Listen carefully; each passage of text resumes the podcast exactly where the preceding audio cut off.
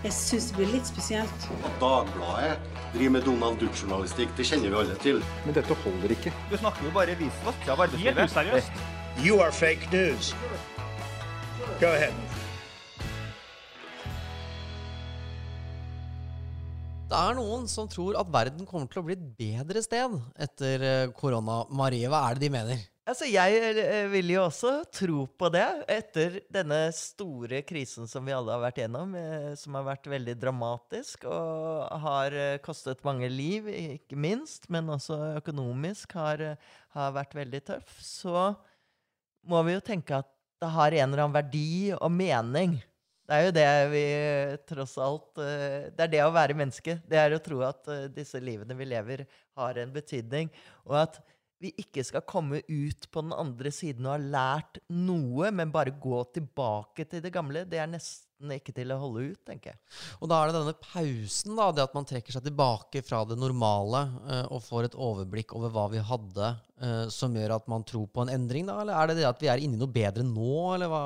Vi er liksom tvunget til rett og slett stoppe opp. Bokstavelig talt. Da må vi tenke litt hvordan vi organiserer livene våre, tenker jeg. Og vi tenker vel også hvordan samfunnet er organisert, arbeidslivet. Eh, og det vi ikke minst har sett gjennom denne krisen, var at en hel verden var ikke beredt på at pandemien skulle slå til. Og vi har fått nok av eh, advarsler. Det er jo flere sånne direktorater over hele verden som har advart, advart om at det kommer til å komme en pandemi. WHO. WHO har jo sagt det. Gro Harlem Brundtland. Til og med. Vi må være forberedt på at dette kan skje, og dette kommer sannsynligvis til å skje. Og så skjer det. Og så har vi tenkt litt sånn fordi det har vært noen sånne epidemier som vi har eh, gått klar av, ikke sant? Og så tenkte vi ja ja, det treffer ikke oss. Det gikk jo fint, det. Ja, Kom, kommer ikke hit. Ja. Vi kjører på. Svineinfluensaen, hva var det for noe? Alle disse vaksinene vi drev og tok, hva var det fjas. for noe? Det var bare tull. Men så nå tenker vi det er kanskje verdt å ha beredskap, ha den forsikringen når uh, krisen kommer. Og hvilken krise er da nærliggende å tenke på? Det er jo klimakrisen, som mange snakker om. Nettopp. Også en krise som er varslet, som er advart om, og som vi har begynt å se så vidt, eller så vidt, men som vi har begynt å se komme. Ja.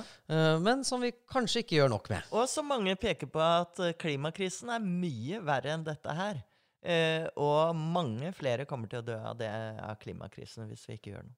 Lærer vi noe av det her? blir jo spørsmålet da. Lærer vi noe av koronakrisen, og kan vi dra noen paralleller inn i klimakrisen? Jeg er optimist på det. Jeg, jeg tror at eh, mentaliteten uh, endrer seg litt. Grann, at vi har stoppet opp og snakket. Men det var jo drivere allerede i samfunnet for et sånt skifte. Og det kan jo hende at denne krisen på en måte har gjort folk mer utålmodig og enda mer bevisst. Altså, du hadde jo du hadde selvfølgelig ungdommen, som alltid starter disse bevegelsene, fordi at de er optimister og, og eh, tror på at de kan forandre verden, mens vi kynikere som er litt uh, eldre, vi, vi tror nei, vi må bare kjøre sånn som vi alltid har gjort. Og når denne krisen her er over, så er det jo de da, som, som du sier, som, som tror på et grønt skifte. Har du troa på at det kommer til å skje? Det grønne skiftet må komme. Det er jo tempoet vi egentlig snakker om. Eh, Linda Hofstad Helleland, lederen i programkomiteen i Høyre, hun prøvde seg jo på en om at nå har vi liksom ikke råd til et grønt skifte, som om det var noe vi bare, det var en luksus vi unnte oss i fredstid, pre-korona. Men, men da slo Erna Solberg hardt ned og sa at det må vi gjøre. For, å, for at Norge skal eh, overleve etter eh, olje og gass og, og fossilindustrien, så, så må vi legge om. Men har det, de, de som er motstandere av dette her, har de blitt eh, Altså de som er konservative, da, som ønsker at vi skal fortsette med olje og gass i samme grad som vi gjør i dag, tror du de er blitt svekket av koronakrisen? At deres argument på en måte er blitt Ingen, mindre Ingenting tyder dessverre på det. Det er jo, altså Hvis vi ser på disse hjelpetiltakene fra myndighetene, så er det jo én industri som har fått alt, nesten alt de har pekt på. Og, det, er jo olje og gass. Nettopp. Og leverandørindustrien. Og det er selvfølgelig fordi det er en uh, stor og viktig økonomisk eh, industri, uh, ikke minst, og mange arbeidsplasser. Men denne endringen som vi snakker om, um, kommer ut Eller hvordan kommer verden til å se ut etter korona? Det er jo noen som har syntes seg kanskje litt mer enn andre rundt det i offentligheten og debattert rundt det, og en av de er Thomas Hylland Eriksen. Ja. Han er jo rikssosialantropologen vår. Og har vært en ivrig samfunnsdebattant eh, lenge. Men nå i koronatider så er han jo blitt en slags sånn guru og, og står for et, eh, et optimistisk eh, fremtidssyn. Han tror at verden kommer til å forandre seg. Ikke, han har ikke svaret på akkurat eh, hvordan, men, men, han tror at vi må se på en rekke ting som forbruk, det grønne skiftet har vi vært innom, hvordan vi organiserer arbeidslivet vårt osv. Og, og da er det kynikerne, de konservative i Minerva f.eks., kaller han for en postkorona-utopist. Og hva Thomas mener om det, det skal vi finne ut av akkurat nå. Thomas, hvordan ser du for deg at Norge og verden kommer til å se ut etter korona? Så det som jo er eh, Situasjonen nå er at situasjonen er ganske åpen. og Det betyr at det finnes flere muligheter, flere scenarioer. Og jeg legger merke til at det er ganske mange som kommenterer dette som snakker om at verden blir sånn, verden blir slik. Det blir total økonomisk katastrofe og kollaps, eller vi kommer til å komme oss opp på skinnene igjen veldig fort. og Da kommer vi til å styre ut mye mer CO2, for da har vi så mye forurensning å ta igjen. Eh, noen snakker om at det vil bli økt nasjonalisme og tilbaketrekning osv. Og, og, og det er jo en veldig sånn, fatalistisk måte å se historien på. altså At det er en slags automatikk i at ting blir sånn eller slik. Så det jeg vil legge vekt på er at nå er vi i en overgangsfase, vi er i en limbotilstand, en liminalfase, og vi har noen valg. Eh, så vi kan da velge f.eks. å bruke denne katastrofen til å oppfylle noen av FNs klimamål. Eh, vi kan bruke den til å tenke nytt rundt arbeid. Eh, fordi nå er det veldig mange mennesker som er permittert, som har mistet jobben, firmaer, bedrifter går konkurs. Det kommer til å, uansett uh, scenario, til å ta lang tid før dette kommer på, på fot igjen. Så vi kan tenke litt rundt uh, både arbeid, klima, miljø og kanskje til og med det gode liv. Altså at vi, Noen av oss har oppdaget nå som vi har fått en masse langsom tid slengt etter oss, helt uforvarende og ufrivillig, at det egentlig ikke var så verst å ha en del langsom tid og at kanskje det gode liv er noe annet enn hals, halseløst forbruk og ekstremt eh, arbeid. Eh, altså, eh, Kort sagt, vi kan tenke litt utenfor boksen nå om, om, reorganisering av samfunnet etter korona. For dette kommer ikke til å gå over i sommer. Altså, dette kommer vi til å slite med lang tid fremover. Du snakker om vi, og det er jo mange ja. som tenker som deg. Men men eh, vi er jo nødvendigvis avhengige av at det er visse på toppen, lederne i samfunnet, som eh, tar tak i disse utfordringene. Ser du ja. noen signaler om det foreløpig? Ikke foreløpig, ikke i noen særlig grad. Og det er klart at de økonomiske og politiske elitene vil jo ha en egeninteresse i å bevare status quo. Altså, de har investert så mye i det bestående eh, at det skal veldig mye til å få dem plutselig til å snu seg rundt og si at nei, vi tok litt feil og nå får vi gjøre ting annerledes. og Dette burde vi ha tenkt på før. det, det, tror jeg ikke vi kan regne med. Så eh, vi må ha en, eh, en stor samtale, en stor, lang samtale med mange stemmer. Og vi må ikke glemme de som er blitt ekskludert av dette, de som er blitt enda mer ensomme pga. digitaliseringen og at alle offentlige sammenkomster er blitt borte. Eh, de som ikke har noe meningsfylt å, å, holde på med. Så vi må ha mange tanker i hodet på en gang. Eh, og jeg tror det er viktig at vi har en, eh, en samtale om dette, en dialog. Og hvor ingen skal liksom komme og si at det, bør bli slik. Og hvis det ikke blir akkurat sånn som jeg vil, så gidder jeg ikke å være med. Så vi kan prøve å trekke politikerne også i riktig retning ved å minne dem om at det er ikke noe lett vei tilbake til business as usual uansett. Og dere har skrevet under på noen klimaavtaler. Og kanskje det nå er på tide å gjøre noe med det. Men hvor skal dette engasjementet komme fra blant befolkningen? Altså Vil det komme fra de som er, nå lider økonomisk? Skal det komme fra ungdommen? Hvis ikke det skal komme fra de etablerte, som du sier, da, hvor skal dette voldsomme engasjementet som du beskriver etter korona, hvor skal det komme fra? ja, Det voldsomme engasjementet, ja. ja. Det trenger ikke være så veldig voldsomt engasjement. Altså, vi, ser, vi ser mange positive tegn allerede. F.eks. at det er mer oppmerksomhet rundt reparasjoner, det å ta vare på tingene sine. Uh, flere og flere snakker om sirkulær økonomi.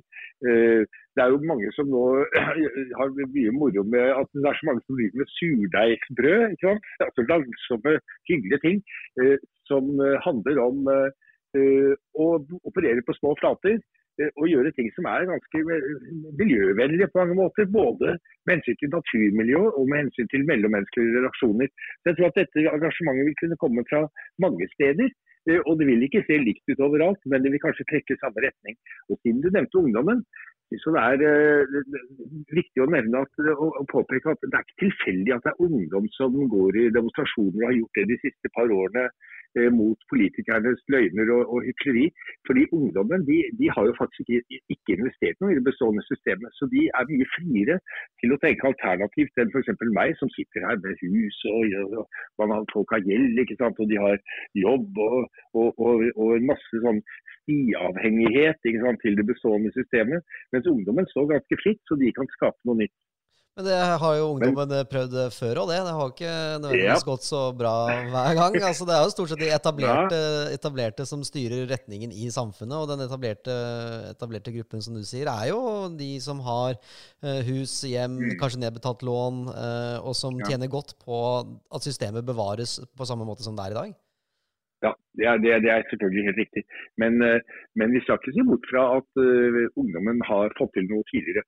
Uh, kan si at eh, Det som eh, skjedde på 1960-tallet og tidlig på 70-tallet, altså hvor det var en veldig oppblomstring av alternativ kultur og mye musikk, og hippiebevegelsen med sine verdier, grønne bevegelser dukket opp osv.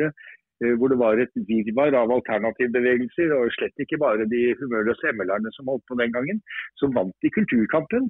De vant kampen om minoritetsrettigheter, homofile rettigheter, seksuelle rettigheter osv. Og, uh, og produserte masse fin musikk som de nå hører på fremdeles, selv om de er blitt liksom skallet og grå. Det er den beste musikken hver dag. Ja, ikke sant? Det, det, det er sånn dunk-dunk-musikk, det er det ingen som liker. Ja.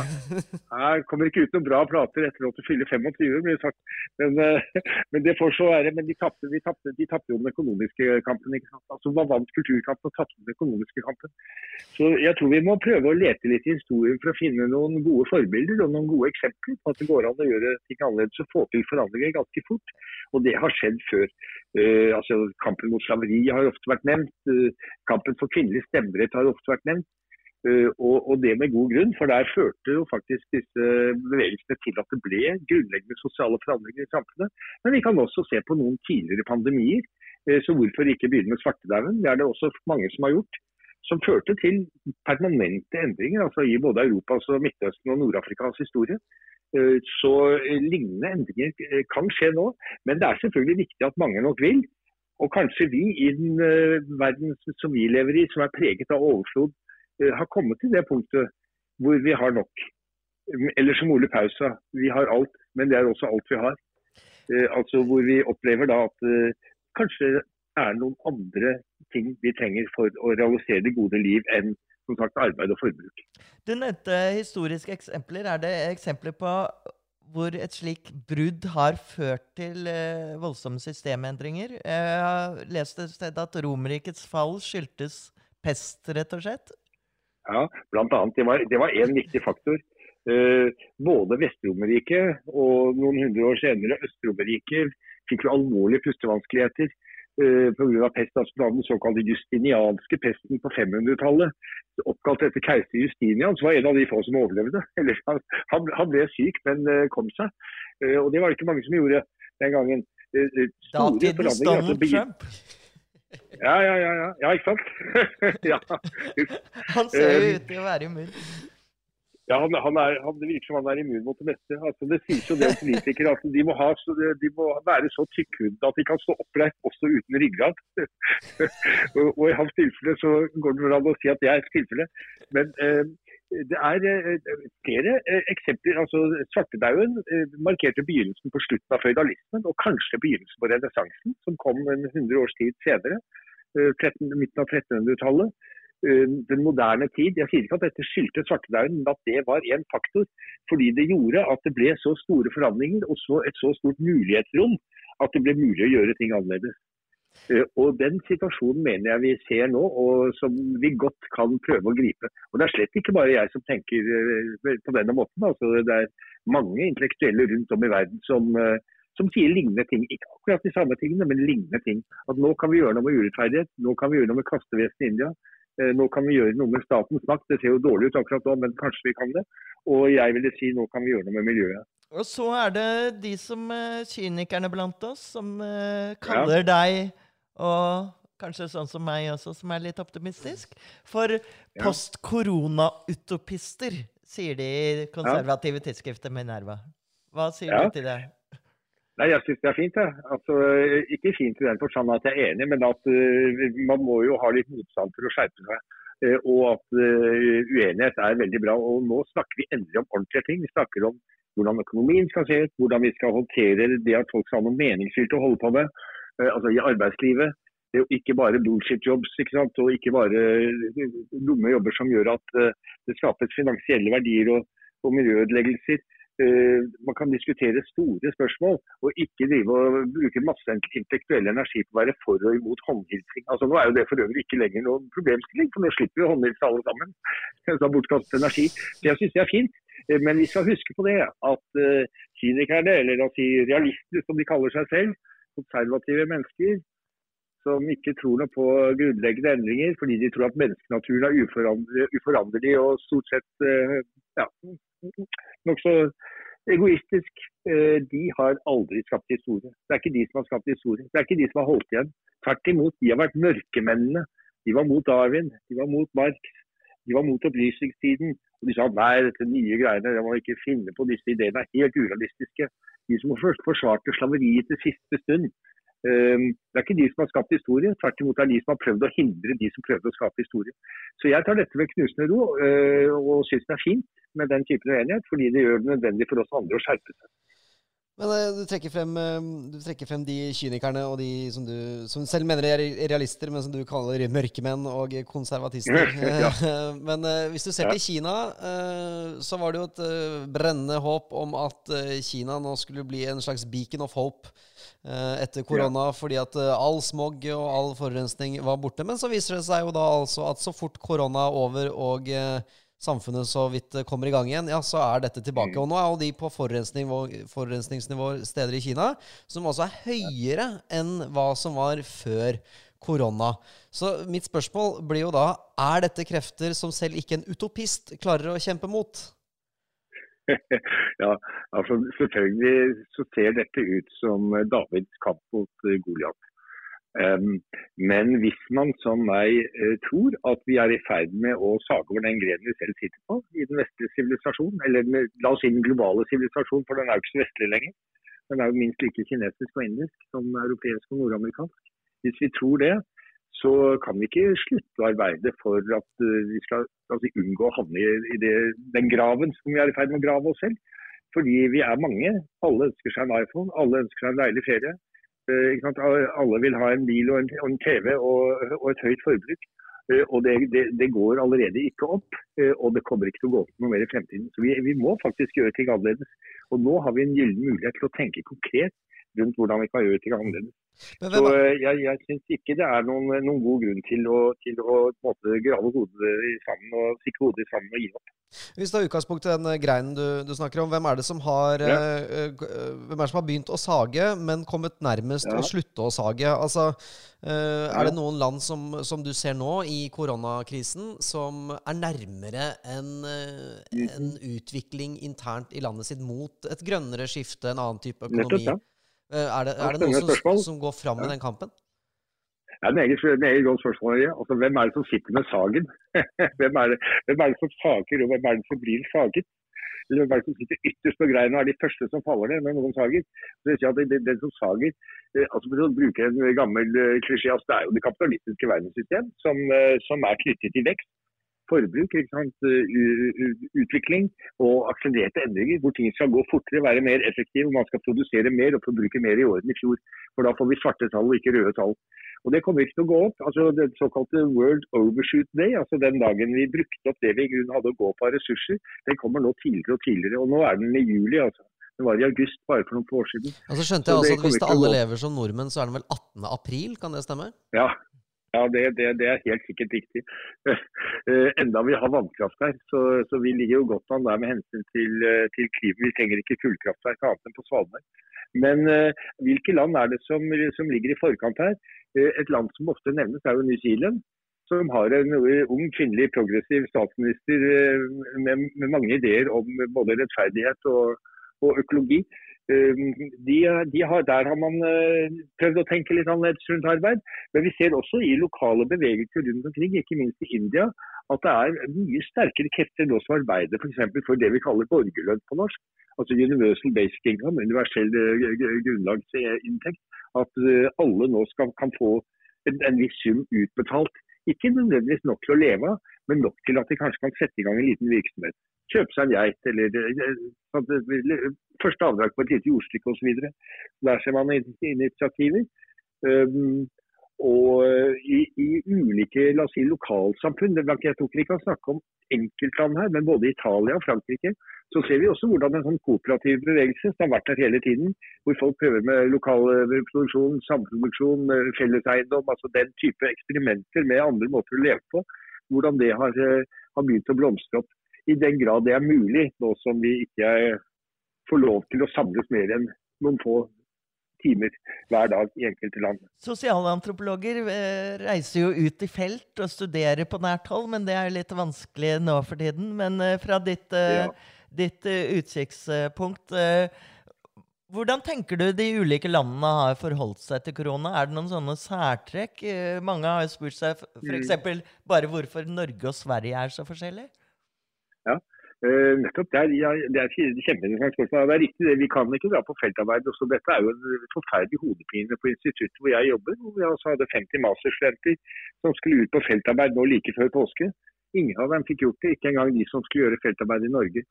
Så vi må tenke digitalt. og Det er, det er et helt annet og stort tema, men som er veldig interessant. Hvilke konsekvenser for digitaliseringen på måten vi lever på i, i, i verden fremover i tiden fremover. Men uh, når det, til spørsmålet ditt, altså hva er forskjellen mellom ulike land? Norge og Sverige er kanskje ikke så forskjellige som det ser ut. Norge har faktisk også vært ganske liberalt sammenlignet med f.eks. Italia, og Frankrike og Spania. Hvor det har vært veldig sterke begrensninger på folks bevegelsesfrihet. Man har fått lov å gå ut en gang en time om dagen, og kanskje en time for å trene på ettermiddagen, men ikke noe mer. Og eh, Hvis man bryter reglene, så risikerer man straffeforfølgelse. Og i noen land hvor det er stor avstand mellom makten og de den har makt over, altså mellom stat og innbyggere, så blir jo folk skutt hvis de bryter reglene. Det har nemlig skjedd i Kenya, og i Sør-Afrika så ligger også paramilitære utenfor townships med AG3 og venter. Hvis noen kommer ut, så plaffer de løs. Så der, der, har vi to ytterpunkter. Eh, den måten Norge har skilt seg fra andre land på, er at eh, Norge og Sverige vil jeg si, at det har vært tillitsbasert. Staten har gitt eh, individer større frihet enn en del andre land, som f.eks.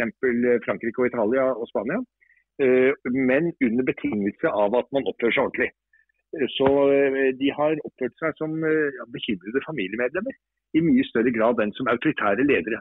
De har sagt at stakkars deg, nå må du passe deg. I stedet for å si at hvis ikke du gjør som jeg sier, så får du en forferdelig straff.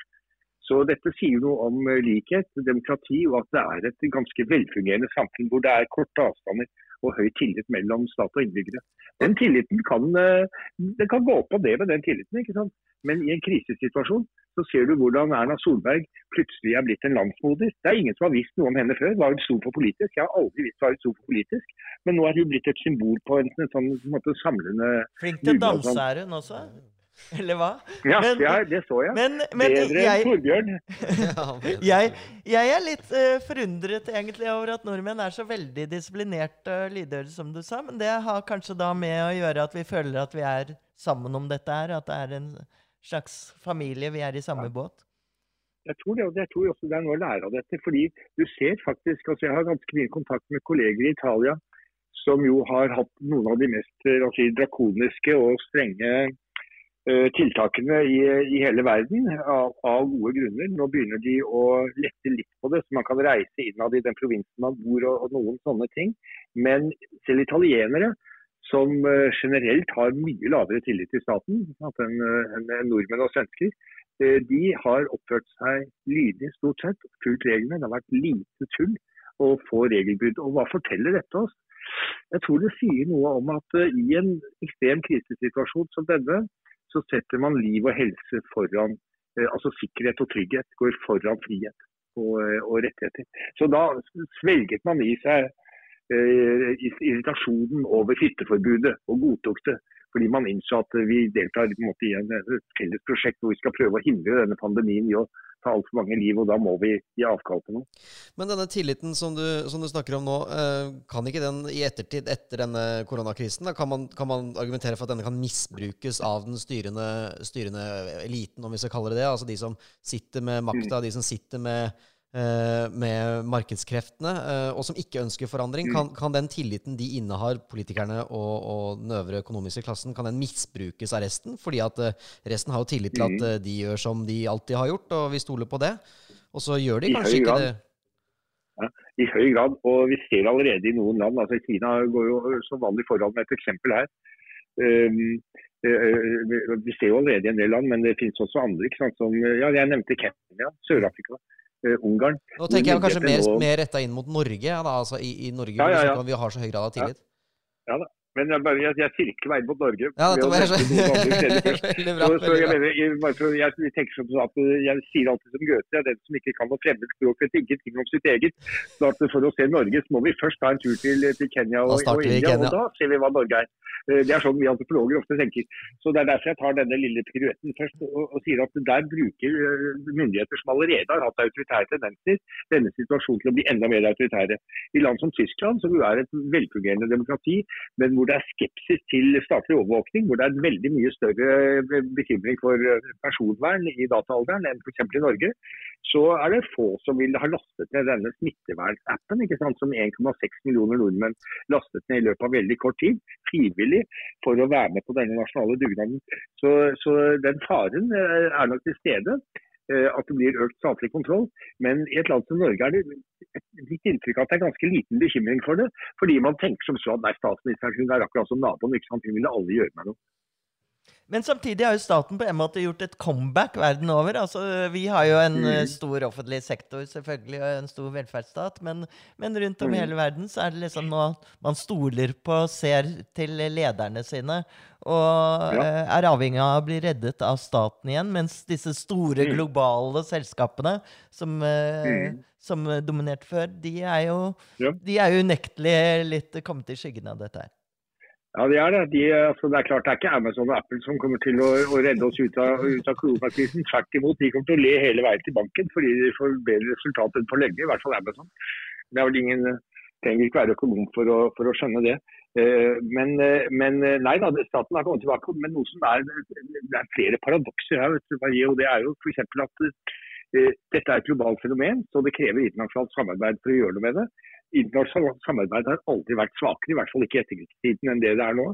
Veldig mye takket være USA, som altså, var en leder som prøvde å sabotere alt og, og, og prøvde å skape splid og, og misnøye uh, og mistenksomhet uh, som, som, en del av en måte, sitt politiske prosjekt.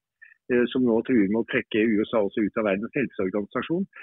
Så når de transnasjonale og overnasjonale organene er så svake, og det er jo ikke bare USA, EU, de har ikke fått til noe det gjelder denne gangen, Akkurat som under flyktningkrisen eh, for fem år siden, så har de ikke klart å få til et felles eh, policy fordi de er for splittet. Så det, det internasjonale samarbeidet er veldig svakt, noe som er veldig synd. For det er WHO som burde hatt hånd om dette, og som burde hatt det overoppsynet, men slik er det ikke. Da er det staten som ender tilbake, nasjonalstaten ender tilbake.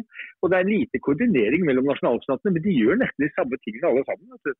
Med portforbud og, og testing, og man måler feber på flyplasser Eh, og begrensninger i bevegelsesfriheten, kafeer som går konkurs. Eh, altså Fra Bolivia til Nepal er det veldig mye som er likt.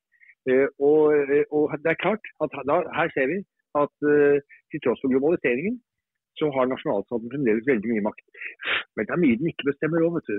Altså, den har territoriell makt. Og den makten stopper egentlig ved Svinesund, da, i norsk tilfelle. Altså, ved svenskegrensen stopper den makten. Og du kan ikke egentlig selv, selv om du blir Nord-Korea, klarer du ikke å beskytte deg helt mot virusspredning. For vi henger såpass godt sammen. Så er, Jeg har et lite forbehold der, men det er helt riktig at uh, staten, statens legitimitet blir styrket av kriser som dette her. Så vi kan si at uh, koronakrisen på mange måter, selv om vi er stengt inne bak grensene våre, har vist også hvordan vi henger sammen? Ja, det er det som er det store paradokset her. At uh, det er en globalisert krise som bidrar til å, å styrke nasjonalstaten. Dette er sikkert mat for statsvitere som kan skrive fornuftige ting om det. Eh, det har ikke jeg tenkt å gjøre, men, jeg vil likevel påpeke at, at det er en, det er en litt sånn tapt mulighet for internasjonalt globalt samarbeid når vi står overfor en global krise av denne typen. Og Det speiles også i klimakrisen. Klimakrisen har noen likheter med koronakrisen, men også noen forskjeller. Og Likheten er at den kan ikke løses av ett land alene, den kan bare løses i fellesskap. Eh, og Da er det jo ikke så veldig produktivt at det blir liksom hvert land for seg selv.